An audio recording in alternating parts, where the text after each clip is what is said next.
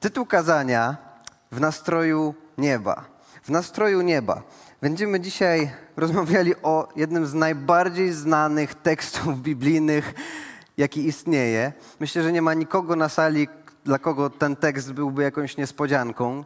Ale zanim do niego dojdę, to chcę powiedzieć, dlaczego i w jakim kontekście chciałbym, żebyśmy dzisiaj spojrzeli na, na ten temat. Nastrój, strój, to wszystkie, wszystkie te rzeczy. Yy, trzeba sobie wyjaśnić. Ale na początku chciałem powiedzieć, co to, wiecie co to jest? Ja, chociaż mam 28 lat, to dalej jestem zadziwiony tym, jak szybko nasza technika się rozwija. Słuchawki Bluetooth. Otóż zawsze mnie denerwowało, że z tymi kablami. Kto z Was słucha muzyki na słuchawkach? Jeździcie, podróżujecie? No właśnie. I te kable za każdym razem trzeba gdzieś tam męczyć się, wyciągać, ale poszli dalej, poszli dalej. Wymyślono słuchawki Bluetooth i wystarczy, wyjmę sobie to z małego pudełeczka i za pomocą nowych rozwiązań, nowej technologii. Jestem w stanie przez Bluetooth połączyć się z tą malutką y, słuchaweczką, gdziekolwiek jestem, w metrze, w samolocie, teraz w trakcie kazania, mogę sobie słuchać muzyki, którą chcę. Mogę słuchać, jak mi pastor Zaręba w tej chwili dyktuje tekst kazania, żeby z wami być w ten wyjątkowy sposób, ale bez względu na to, czy mieliśmy kiedyś doświadczenia z głośnikami, y, które trzeba było gdzieś rozstawiać ze wzmacniaczem, czy z małymi słuchaweczkami, które przez to wejście jack można było podłączyć i słuchać tego y, w samotności, czy teraz przez słuchawki Bluetooth można się przemieszczać, gdzie tylko się chce, to tak czy inaczej słuchawka bez źródła nie ma żadnej wartości. Nawet najlepszy rodzaj głośnika nie ma żadnej wartości, nie ma żadnego sensu jego istnienie, jeżeli nie ma źródła, do którego się podłącza. Dla mnie w tej chwili telefon jest tym źródłem, z niego mogę wypuszczać rzeczy, które chcę. Ale dlaczego o tym mówię? Ponieważ będziemy dzisiaj mówić o bardzo specyficznym rodzaju y, naszego duchowego życia, bo o tym my w Kościele tak naprawdę rozmawiamy, o duchowej sferze naszego życia, która wpływa na wszystkie inne. Ale nasze życie jest po to, abyśmy mogli przez nie odbijać chwałę Boga, abyśmy naszym życiem mogli pokazywać, kim On jest. I Bóg jest źródłem życia, On ten świat do istnienia powołał i On każdego z nas ulepił, sprawił, że żyjemy, że jesteśmy tak inni, tak odmienni, ale bez Niego jako źródła i bez życia według standardów, pomysłów, reguł, ducha, którego On nam dyktuje, nasze życie przestaje mieć tą wartość, którą powinno, ponieważ chcemy dołączać się do źródła i odbijać to, co Bóg chce przez nasze życie robić.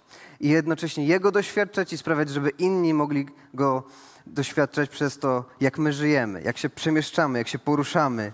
Więc życie w nastroju nieba jest czymś, o czym dzisiaj będziemy rozmawiali. I to słowo nastrój, dzisiaj mamy sporo ludzi, którzy jest z nami tutaj, jest jeszcze więcej, którzy z nami online, ale nastrój nie jest tą samą rzeczą dla każdego z nas. Nastrój to jest chwilowy stan emocjonalny, chwilowy, chwilowy stan psychiczny. To jest akurat ten rodzaj emocji, ten rodzaj myśli, ten rodzaj atmosfery, w której dzisiaj przyszło ci się obudzić. Może okoliczności były lepsze, może gorsze, może śniadanie było lepsze, może gorsze, może bardziej lub mniej się wyspałeś, może wstałeś lewą nogą lub nie. Nastrój może się zmieniać i nie jest zawsze taki sam. Niektórzy są zupełnie chwiejni, jeżeli chodzi o swoją emocjonalność, niektórzy są bardziej stali, ale tak czy inaczej nastrój może się zmieniać. Ale wyzwanie polega na tym, żeby przeżyć swoje życie w takim nastroju, jakim jest w niebie. I to słowo nastrój to jest jedna rzecz, a dalsza, dalsza jego strona to jest właśnie strój. I słowo strój może mieć co najmniej dwa znaczenia. Jest strój na zasadzie ubiór. Każdy z nas spędził dzisiaj chwilę czasu, niektórzy troszeczkę za długą, niektórzy mniej, mniej, niektórzy krótszą, ale zastanawialiśmy się nad tym, jaki strój, jakie ubranie dzisiaj y, założyć w jaki sposób pokazać się na tym szczególnym wydarzeniu, jakie jest nabożeństwo w niedzielę. Ubranie, strój jest czymś, co zakrywa to, co nie chcemy, żeby było odkryte, a jednocześnie możemy je dobierać w taki sposób, jaki uważamy, że jest właściwy na daną okazję. Jesteś w stanie zarządzić tym, jaki twój strój będzie, jak inni cię odbiorą, jak inni ciebie zobaczą. Dzisiaj można przeróżne formy tego stroju sobie dobierać, ale specjalnie o tym mówię, bo jest jeszcze drugie znaczenie słowa strój. Nasz zespół muzyczny y, prowadzi nas w uwielbieniu i są to różne instrumenty, są to różne głosy, różne wokale, które jednocześnie w tym samym czasie wydobywają brzmienie i muzykę i nie byłoby to możliwe, albo męczylibyśmy się bardzo, gdyby nie były to wszystko w jednym stroju, gdyby to nie było nastrojone do tej samej częstotliwości dźwięków. Moje słuchawki mogą być dostrojone akurat do mojego telefonu, te instrumenty mogą być dostrojone do ustalonych częstotliwości dźwięków, dzięki czemu, kiedy jedna i druga gitara, i pianino, i wszystkie inne rzeczy zaczynają wydobywać z siebie dźwięki, to jest to dźwięk, którego da się słuchać. I właśnie pierwsza myśl dzisiejszego kazania jest taka, że Bogu chodzi o strój, a nie przystrajanie. Bogu chodzi, abyśmy mogli nastroić swoje życie, dopasować swoje życie do częstotliwości, które On ustalił, które On dla nas ma, a nie przystrajali się zewnętrznie, aby pokazywać tylko na zewnątrz rzeczy, które nie zostały przemienione w naszym wnętrzu. Jak czytam Ewangelię, to prawie każda konfrontacja, większość myśli Chrystusa Większość myśli Jezusa dotyczy tego, że On nie przyszedł tutaj, aby zajmować się naszą powierzchownością. Na tym skupiła się religia, na tym skupili się faryzeusze. Rozwinęli to, stali się mistrzami powierzchowności, a jednocześnie geniuszami, żeby omijać swoje wnętrze. Pan Jezus przyszedł, aby nie zajmować się tym, jak będziesz się przystrajał na zewnątrz, jak czasami się pokażesz innym, jak dobierzesz akurat takie i takie zachowania moralne, żeby wypaść dobrze, żeby ktoś inny dobrze pomyślał o nas, Jezus przyszedł, aby zmienić nasze wnętrze, aby przestroić nasze wnętrze do takiego stopnia, w którym będziemy w stanie odbijać właśnie rzeczywistość nieba, a On stał się w tym przykładem. I jedna z rzeczy, która jest wyzwaniem tutaj, polega na tym, że ten nastrój nieba, te strojenie nieba nie jest stanem domyślnym Twojego i mojego życia. To nie jest stan domyślny, w którym się rodzimy w tym świecie. To nie jest coś, co z natury w nas jest. To jest coś, co Jezus przyszedł, aby nam umożliwić i uwolnić, ale Ewangelia to tylko początek. Ewangelia polega na tym, że wiem, że jest stworzenie, że Bóg powołał nas do życia, że był upadek i żyjemy w świecie, który jest oddzielony od Boga, żyjemy życiem grzesznym, oddzielonym od Boga, ale jest też zbawienie. Jezus Chrystus przyszedł, aby umrzeć i zmartwychwstać, aby każdy, kto wierzy, mógł mieć życie wieczne i możemy wrócić do Jego porządku. I to jest pytanie do Ciebie, czy do mnie, czy decydujemy się to. Ja się zdecydowałem już 10 lat temu, żyję z Bogiem i Bóg cały czas mnie przestraja. Jesteśmy w historii życia, gdzie cały czas przestrajamy swoje myślenie, swoje, y, swoją codzienność do tego porządku, który On ma. I aby żyć w nastroju nieba trzeba się cały czas do tego porządku dostrajać. Instrument sam z siebie, zwłaszcza gitary, to jest właśnie dla mnie niesprawiedliwość podziału instrumentów. Na przykład ktoś wybrał gitarę, za każdym razem jak siadasz do gitary, to zanim zaczniesz grać, musisz ją nastroić. A jak ktoś wygra sobie pianino, to z jakiegoś powodu za każdym razem wystarczy usiąść i grać. Z naszym życiem jest trochę trudniej. My za każdym razem musimy się cofać i dostrajać się z powrotem w pewnych myślach, w pewnej perspektywie do tego, co Bóg nam pokazuje, do tego, co Jego Słowo nam pokazuje. Dlatego mamy na przykład czas wieczerzy raz w miesiącu my jako Kościół spotykamy się, by dostroić jeszcze raz nasze myśli, przypomnieć sobie coś, co Pan Jezus ustawił jako rzecz, której nie możemy nigdy zapomnieć, że to Jego krew, Jego przelana krew, Jego złamane ciało są tym, co sprawiły, że możemy mieć wolność. Nie możemy o tym zapomnieć. Dostrajamy się cały czas do tej prawdy, ale to jest tylko jedna z wielu, wielu rzeczy. Dlatego pierwszy punkt chodzi o nastrój, chodzi o to, abyśmy mieli wnętrze, które jest dostrojone do Jego standardów, Jego częstotliwości, połączone z Nim jako źródłem, a nie tylko przystrajać się zewnętrznie. To jest tylko rozgrzewka, bo wchodzimy w konkret. Chcę nas zaprowadzić dzisiaj do konkretnych myśli dotyczących pewnych sfer życia, w których możesz wymagać, możesz dzisiaj skorzystać, wykorzystać tę niedzielę, aby być może coś przestroić w swoim myśleniu, sprawdzić, zdiagnozować, czy jesteśmy w dobrym miejscu, jeżeli chodzi o pewne sfery naszego życia. A więc drugi punkt to po prostu strojenie. I dochodzimy do słowa. Nie będę przedłużał tego czasu. Ewangelia Mateusza, szósty rozdział. Pan Jezus po prostu uczy nas w ramach kazania na górze, jak mamy się modlić. Strojenie jest najprościej zrozumiem jako po prostu mój czas z Bogiem, moja modlitwa, mój czas przed Nim, mój czas spędzony razem z Nim. Kiedy spędzasz czas z Bogiem, to przestrajasz się do tego, kim On jest, dopasowujesz się do tego, kim On jest. Nasze polskie przysłowie mówi, że kto z kim przystaje, taki się staje i najprościej mówiąc, Twój osobisty czas z Bogiem właśnie jest po to, aby stale móc się dopasowywać do tego, kim On jest, a nie do wzorców, które czasami widzimy w świecie. I Mateusza, szósty rozdział, od piątego wersetu czytamy, Jezus mówi, również gdy się modlisz, nie bądź jako błudnicy. Ci bowiem lubią się modlić w synagogach i na rogach głównych ulic, aby się pokazać ludziom. Zapewniam was, odbierają swoją całą zapłatę. Ty natomiast, gdy pragniesz się modlić, wybierz zaciszne miejsce, zamknij za sobą drzwi i módl się do swego Ojca, który jest w ukryciu. A Twój Ojciec, który widzi również to, co ukryte, odpłaci Tobie.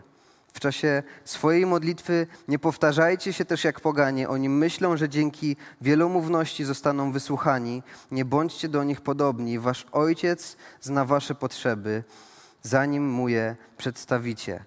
I ten fragment jest wstępem do tego, co zaraz będziemy przechodzić i analizować. Znamy ten fragment jako Ojcze Nasz jako modlitwa pańska. Najbardziej, dlatego mówię, to jest jeden z najbardziej znanych fragmentów biblijnych, jakich znamy, zwłaszcza w naszym kraju. Kto zna modlitwę Ojcze Nasz? A kto nie zna? Kto nigdy nie słyszał? Prawdopodobnie nie ma takiej osoby, która nigdy nie słyszała tych słów, ale kiedy ostatnim. Ja nigdy w życiu nie mówiłem kazania na przykład z tego fragmentu. I dla mnie ciekawe jest to, co Bóg dzisiaj może zrobić przez nas, ponieważ zanim Jezus podał słowa modlitwy, powiedział o kontekście, w jakim ta modlitwa ma mieć miejsce. Zanim przejdziemy w konkretne sfery, która ta modlitwa dotyka, gdzie możemy dzisiaj przestroić coś w naszym myśleniu, Jezus zwraca uwagę, jak to nasze strojenie ma mieć miejsce. Bo jedna z form jest taka, kiedy spotykamy się razem jako Kościół, jesteśmy razem, ale to jest raz w tygodniu. Czasami są też spotkania służb, czasami są wydarzenia wspólne, jak wieczory uwielbienia, ale Twoje i moje życie jest zdecydowanie zdominowane przez moje bycie sam ze sobą moje bycie z moją rodziną, moje bycie w mojej codzienności. Od siebie nigdy nie ucieknę, nigdy nie mam dnia wolnego od bycia ze sobą, ale pytanie jest takie, czy masz ten czas sam na sam z Bogiem? Czy masz ten czas, o którym Jezus mówi, nie modlisz się na zewnątrz, nie modlisz się po to, aby inni zobaczyli, nie robisz rzeczy, nie przystrajasz się przed innymi, nie ubierasz się do kościoła, nie pokazujesz się w kościele, ale kiedy jesteś sam, kiedy chowasz się, kiedy jesteś w tym zacisznym miejscu, zamykasz drzwi, tam gdzie nikt cię nie widzi, czy masz ten czas, poniedziałek, wtorek, środa, przez cały czas, kiedy nie jesteś w kościele razem z innymi wierzącymi, czy masz ten swój czas? To jest naprawdę pytanie, które dzisiaj może Ciebie skonfrontować, bo może gdzieś się y, czas, zabieganie, inne rzeczy wkradły się i zgubiłeś ten moment swojego życia, żeby być schowany sam na sam z Bogiem że zamykasz, odcinasz się na chwilę od wszystkich innych spraw, innych ludzi, tego, co inni myślą, tego, co inni pomyślą, tego wszystkiego, co wpływa na to, że możesz mieć tendencję do przystrajania się na zewnątrz, zachowywania się, mówienia, działania, zajmowania się różnymi rzeczami, które dotyczą tak naprawdę tych zewnętrznych rzeczy, a kiedy gubimy ten czas jeden na jeden, samotności, zamykasz drzwi, nie ma nikogo innego, to może być łazienka, to może być garderoba, to może być samochód, to może być gdziekolwiek, może być las, ale masz tą wolność, że jesteś sam przed Nim. I wiesz, że mówisz do kogoś, kogo nie musisz przekonać. Jezus mówi tutaj, nie bądźcie wielomówni jak poganie. Nie musisz, nie rozmawiasz z kimś, kogo musisz przekonać, aby był po twojej stronie. Jezus pyta, czy jesteś sam na sam z Nim, czy czujesz się komfortowo w Bożej obecności, czy rozumiesz, że Bóg nie jest kimś, kto ma ci pomóc dobrze wypaść przed ludźmi. Bóg nie jest kimś, kogo masz się bać, Bóg jest kimś, kto jest po Twojej stronie. Dlatego, kiedy wchodzimy w ten konkretny strój, konkretne częstotliwości, Jezus zaczyna od najprostszej rzeczy dotyczącej właśnie Twojej i mojej relacji z Nim, ale też naszej relacji wspólnej z Nim. Ojcze nasz, który jesteś w niebie, niech świętość otacza Twoje imię. Ja będę czytał wersję tej modlitwy z nowego przekładu Ojcze nasz, który jesteś w niebie, niech świętość otacza Twoje imię. I pierwszy punkt, pierwsza częstotliwość, do której może dzisiaj trzeba się dostroić. Wierzę, że Bóg to mój doskonały tata w niebie. Czy wierzysz, że Bóg jest naprawdę Twoim doskonałym tatą w niebie? Czy wiesz, że skoro jest Twoim tatą, to jest też moim tatą, to my w kościele jesteśmy kim? Rodziną. Jesteśmy dziećmi. Skoro Ty masz tatę, ja mam tatę, mamy wspólnie tego samego tatę, to jesteśmy rodziną. Jesteśmy braćmi i siostrami. Odeszło się trochę od tego w kościele, ale w starszych kościołach, do których czasami mam okazję, które mam czasami y, okazję odwiedzić, ludzie zwracali się do siebie bracie, siostro. Witaj, witam brata, witam siostrę, ponieważ jesteśmy dziećmi tego samego Ojca w niebie. Ojcze nasz, który jesteś w niebie, niech świętość otacza Twoje imię. On jest tatą, a ja jestem dzieckiem. I to, kim on jest, jest święte. I zatrzymam się tutaj, ponieważ temat ojca, temat taty w Twoim, moim życiu jest kluczowy i jest niezwykle ważny. To jest tylko pierwsza rzecz, którą dzisiaj dotykamy, ale w pewnym sensie każdy z nas ma deficyt ojca. W pewnym sensie każdy z nas ma deficyt ojca. Mówimy tutaj o ludzkim życiu na ziemi w pewnym sensie Twoja częstotliwość zrozumienia tego, jaki jest Bóg Ojciec, jest zawsze przefiltrowana przez obraz Ojca, którego mieliśmy tutaj na ziemi. Niektórzy z nas mieli wspaniałą rodzinę, fajną, pełną, tata był i spędzaliśmy czas, byliśmy w relacji. Niektórzy mieli tatę, który był nieobecny, nie ma relacji, chociaż jest fizycznie. Niektórzy w ogóle z taką osobą nie mieli nigdy doświadczenia, a niektórzy mają tatę, który wypełnił lukę, ponieważ biologiczny ojciec gdzieś zniknął. Tak czy inaczej, w każdym z tych układów wkrada się pewne przestrojenie, które nie oddaje idealnie tego, jaki jest nasz Ojciec w niebie. A więc cztery rzeczy. Dlaczego możemy mieć deficyt ojca? Nasi ojcowie są grzeszni. Nawet jeżeli masz wspaniałego tatę, mówię o swoim tacie nawet teraz, tato przepraszam, słucha nas. Yy, nasi ojcowie są grzeszni. To jest pierwsza rzecz. Druga rzecz, dlaczego mamy deficyt ojca. Oni nie dostali też wszystkiego od swoich ojców. Być może jesteś tatą i sam masz problemy na przykład dzisiaj z dzieckiem, a chociaż dawałeś z siebie wszystko i zakryłeś wszystkie błędy, których sam nie doświadczyłeś od swojego ojca, przeskoczyłeś się, odciąłeś się i stanąłeś na wysokości po prostu swojego potencjału, żeby być najlepszym ojcem, jakim możesz, to i tak fakt, że cała ta domino w tle zawsze z jednego deficytu do drugiego przechodzi, sprawia, że nie dostajemy wszystkiego od swoich ojców i nie jesteśmy w stanie też być doskonałymi ojcami, rodzicami dla swoich dzieci. Potrzebujemy, trzecia rzecz, potrzebujemy więcej niż ojcowie są w stanie nam dać. I czwarta, inni ludzie zawodzą, a nasi ojcowie nie są w stanie nas całkowicie ochronić. Nawet jeżeli jesteś wspaniałym rodzicem, albo miałeś wspaniałego rodzica, niezależnie od tego, jak pozytywnie by się to wszystko ułożyło, i tak ojciec nie jest w stanie ochronić nas przed różnymi rzeczami, y, które w życiu nas spotkają, i możemy mieć jakieś poczucie y, żalu, poczucie jakiejś winy. I dlaczego to jest ważne? W tym punkcie musimy się zatrzymać troszeczkę dłużej niż w pozostałych częstotliwościach, ponieważ Jezus zaczyna tą modlitwę od konkretnego wypowiedzenia Ojcze nasz, który jesteś w niebie. Masz Ojca w niebie i jaki obraz Boga dzisiaj nosisz?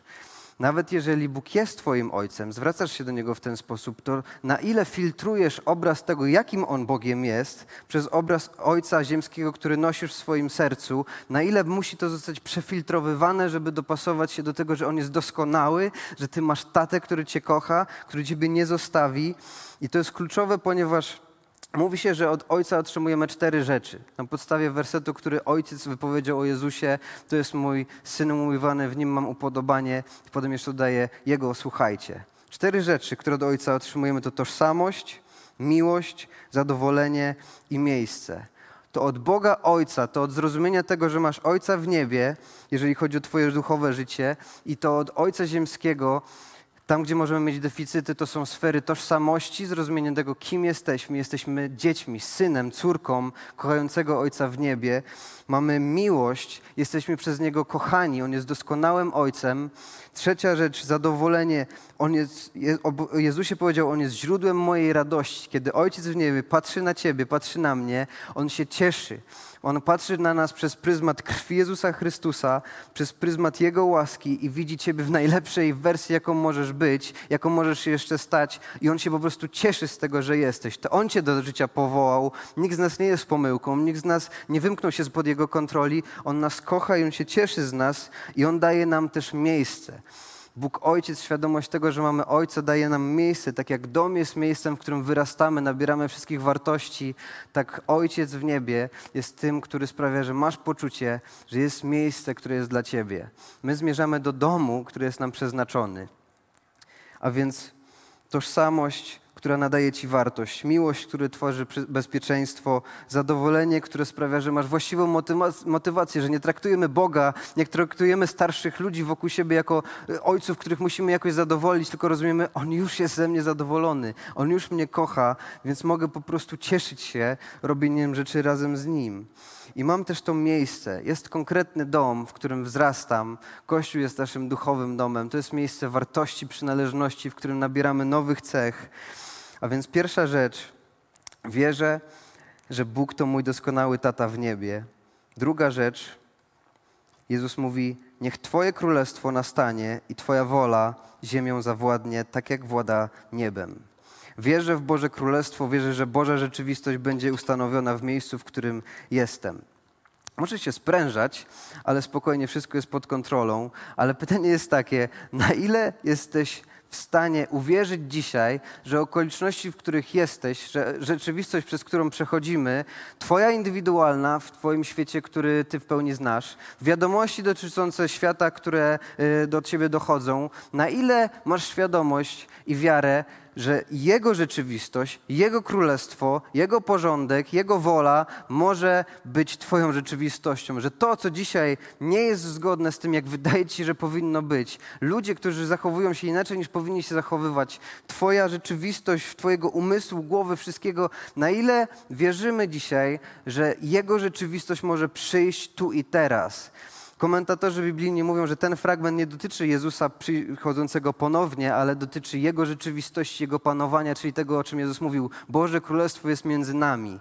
Tu i teraz, tak jak żyjesz, tak jak jesteś, mamy przez Ducha Świętego dostęp do pokoju, do nadziei, do miłości, do świadomości, że jesteśmy pozycji zwycięstwa, a nie przegranej, że nie musimy chodzić z pochyloną głową, ale z podniesioną, ponieważ jesteśmy częścią Jego królestwa. On jest tu królem, On jest tu Panem i to Jego wola będzie ostatecznie wykonana. Amen czy nie amen? Amen. Więc bez względu na to, przez jakie rzeczywistości przechodzimy, my jesteśmy powołani do tego, żeby oddziaływać na nie, mieć wpływ na nie w toksycznej pracy, w trudnych relacjach, kiedy ludzie wymykają się spod kontroli, ich zachowania i myśli, i emocje, jesteśmy po to, aby ustanawiać Bożą rzeczywistość, Jego królestwo tam, gdzie jesteśmy. I to jest 24 na 7 robota dla Ciebie i dla mnie. Trzecia rzecz. Prosimy Ciebie, daj nam dziś naszego powszedniego chleba. Wierzę, że Bóg dba o moje codzienne potrzeby. A więc pierwsza częstotliwość Bóg jest moim Ojcem, doskonałym Ojcem w niebie. Druga rzeczywistość, tu gdzie jestem, może być ustanowione Jego Królestwo, Jego wola może się wykonać. A trzecia rzecz, wierzę, że Bóg dba o moje codzienne potrzeby. I to jest coś, z czym mamy czasami problem. Za każdym razem, kiedy zbieramy w kościele kolektę, kiedy zbieramy jakieś, jakąś ofiarność, finanse, to ja osobiście sobie o tym przypominam, że Bóg jest tym, który mnie zaopatruje. To Bóg jest tym, który mnie zaopatruje prosimy Ciebie, daj nam dziś naszego powszedniego chleba. W czasach, w czasach Jezusa, w czasach Ewangelii, kiedy e, było się w tej klasie robotniczej, kiedy się było robotnikiem, to świadomość, dlaczego tam jest napisane e, chleba codziennego, nabierała znacznie mocniejszej wartości niż dla nas dzisiaj, ponieważ tam był system dniówek. Tam każdego dnia, jak się szło do pracy, to na koniec tego przepracowanego, dnia dostawało się wypłatę.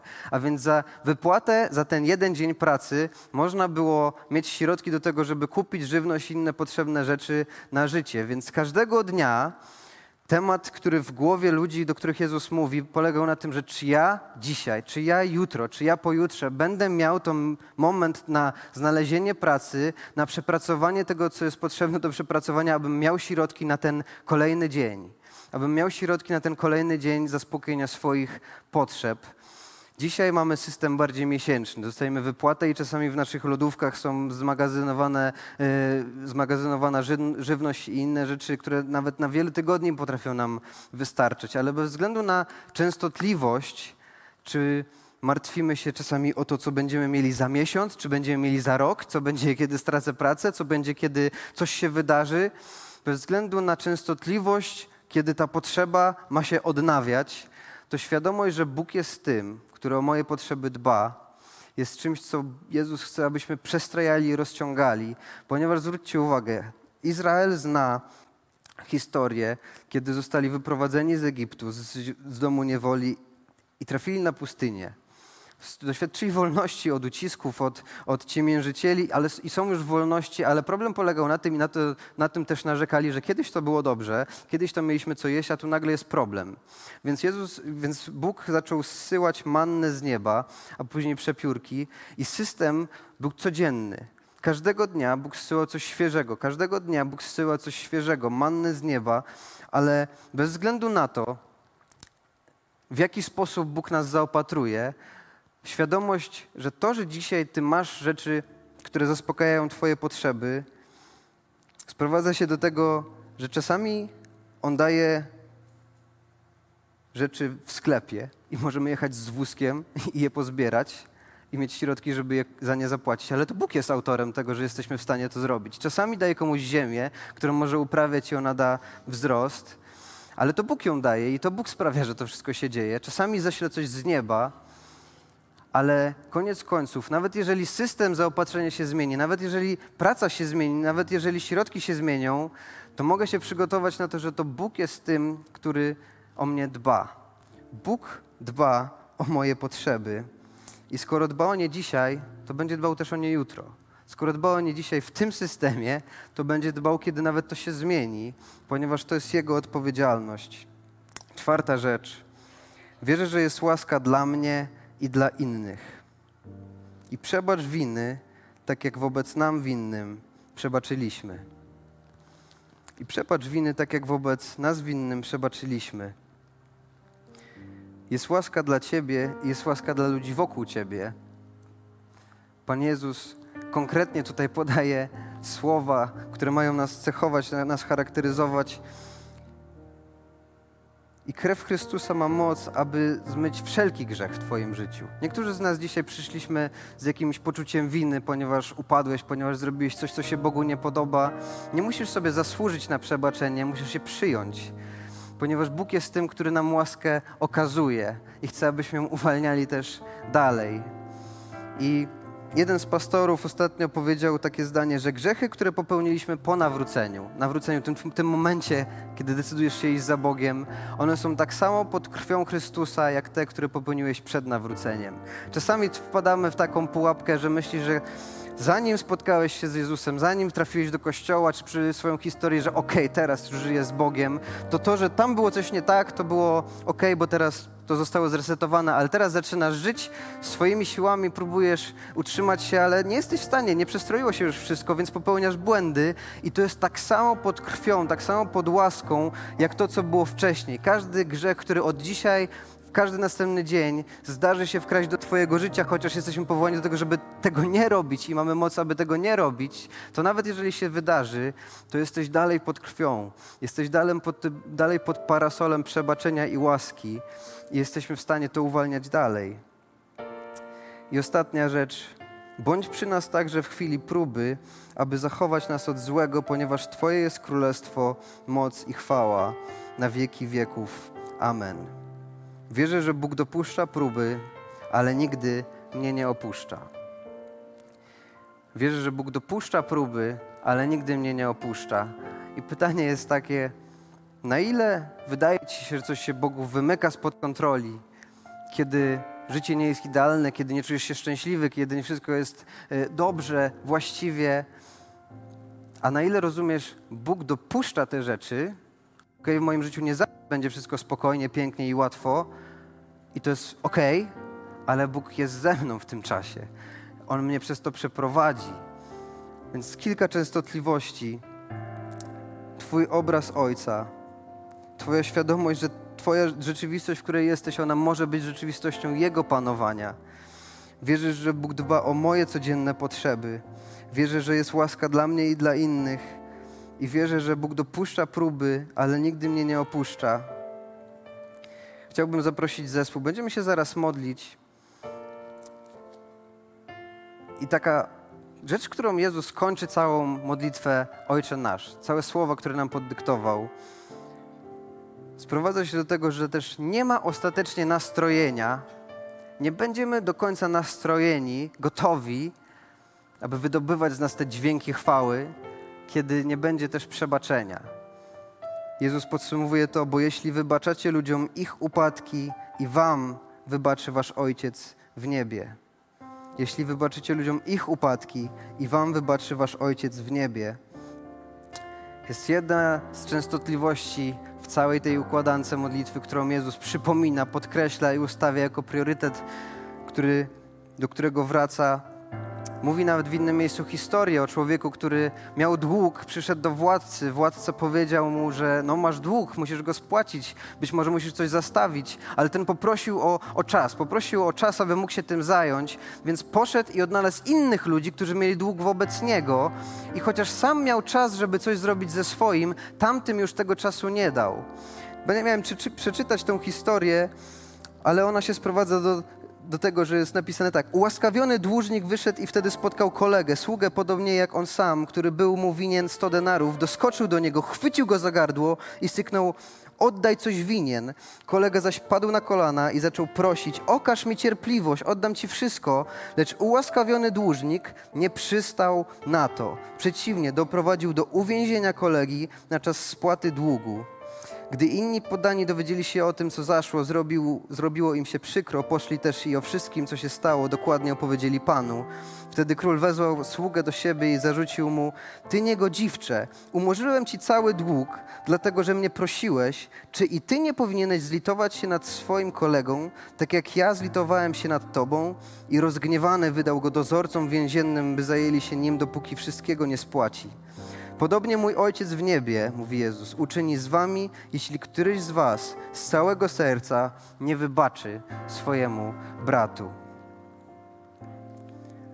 Bóg jako pełen miłości i doskonały tata w niebie. Chcę, aby Jego rzeczywistość wypełniała naszą codzienność. Chcę, abyśmy wiedzieli, że On dba o nasze potrzeby, że przebacza nam nasze grzechy i że jest tym, który ma łaskę dla nas. Ale chłopaki mają wspaniałe gitary, Alex, to jest całkiem dobra gitara chyba, nie? I sprowadza się to do tego, że nawet jeżeli ona jest nastrojona, kusi mnie strasznie, ale nie będę tego robił. Nawet jeżeli ona jest nastrojona, nawet jeżeli wszystkie struny są we właściwej częstotliwości, to jeżeli wypnę ten kabel, to nie usłyszycie i nie będziecie prowadzeni przez te wspaniałe dźwięki w uwielbieniu. I tak samo Jezus mówi, że możemy być dostrojeni do Bożych częstotliwości, mieć świadomość, że jest naszym Ojcem, że o nas dba i tak dalej, ale jeżeli później w relacji z innymi ludźmi, kiedy nasze serce nie zostaje przemienione, nie odzwierciedla tego, co Bóg chce, abyśmy odzwierciedlali w życiu ich, innych ludzi, to to nie ma po prostu sensu. Jeżeli nie ma przebaczenia, nie uwalniasz innych ludzi przez ich przewinienia, które względem Ciebie zawinili, to to nie ma sensu. Dlatego dzisiaj na zakończenie, kiedy będziemy się modlić tą modlitwą wspólnie, w tym znanym nam przykładzie, to chciałbym kogoś z nas dzisiaj zaprosić do tego, żeby się zastanowił, czy nie jest ktoś, kogo ty dzisiaj trzymasz, trzymasz go w więzieniu nieprzebaczenia, chociaż sam doświadczyłeś i doświadczasz i słuchasz o tym, że jest dla ciebie wolność. Od Bóg cały nasz dług jest w stanie nam odpuścić i odpuszcza przez Jezusa Chrystusa, ale później ty, kiedy inni ludzie nie żyją tak, jak powinni, niezależnie czy to jest twoje dziecko, czy to jest twój małżonek, czy to jest ktoś z pracy, ktokolwiek to jest, trzymamy ich w więzieniu nieprzebaczenia i nie odzwierciedlamy przemienionego serca. Zamiast oddawać chwałę i ten dźwięk nieba i chodzić w nastroju miłości, przebaczenia, świadomi kim my jesteśmy, uwalniając innych, stawać się wzorem Chrystusa w ich życiu, kiedy być może oni dzisiaj są od Niego daleko. Nawet jeżeli są wierzący, być może coś jest. Mamy dostęp, mamy relacje z rozstrojonymi ludźmi. I oni nie zawsze będą wydobywali wspaniałe dźwięki, ale coś, co ja, i mówię to nawet jako pastor, jako człowiek za, zaangażowany w służbę, coś, czego się nauczyłem, to jest to, że moją i naszą odpowiedzialnością nie jest to, aby ludzie się zmieniali. Jest fascynujące odkrycie, naprawdę. To, że oni są rozstrojonymi instrumentami, że nie zachowują się dokładnie tak, jak powinni, nawet jak są wierzący, moją odpowiedzialnością nie jest to, aby oni zmienili swoje zachowanie. Nie jest moją odpowiedzialnością, aby oni zostali przemienieni. Moją odpowiedzialnością jest to, aby ich kochać. Moją odpowiedzialnością i Twoją odpowiedzialnością, nawet kiedy ktoś jest nie w porządku, jest to, aby okazywać miłość i aby odzwierciedlać Boży nastrój, Boży, Bożą chwałę. Więc kochani, wstańmy. Być może któraś z częstotliwości dzisiaj wymaga dostrojenia w Twojej codzienności. Ale zakończmy modląc się. Ojcze nasz, któryś jest w niebie, święć się imię Twoje. Przyjdź królestwo Twoje. Bądź wola Twoja jak w niebie, tak i na ziemi. Chleba naszego powszedniego daj nam dzisiaj i odpuść nam nasze winy, jakie my odpuszczamy naszym winowajcom. I nie wódź nas na pokuszenie, ale nas zbaw od złego, albowiem Twoje jest królestwo i moc i chwała na wieki wieków. Amen.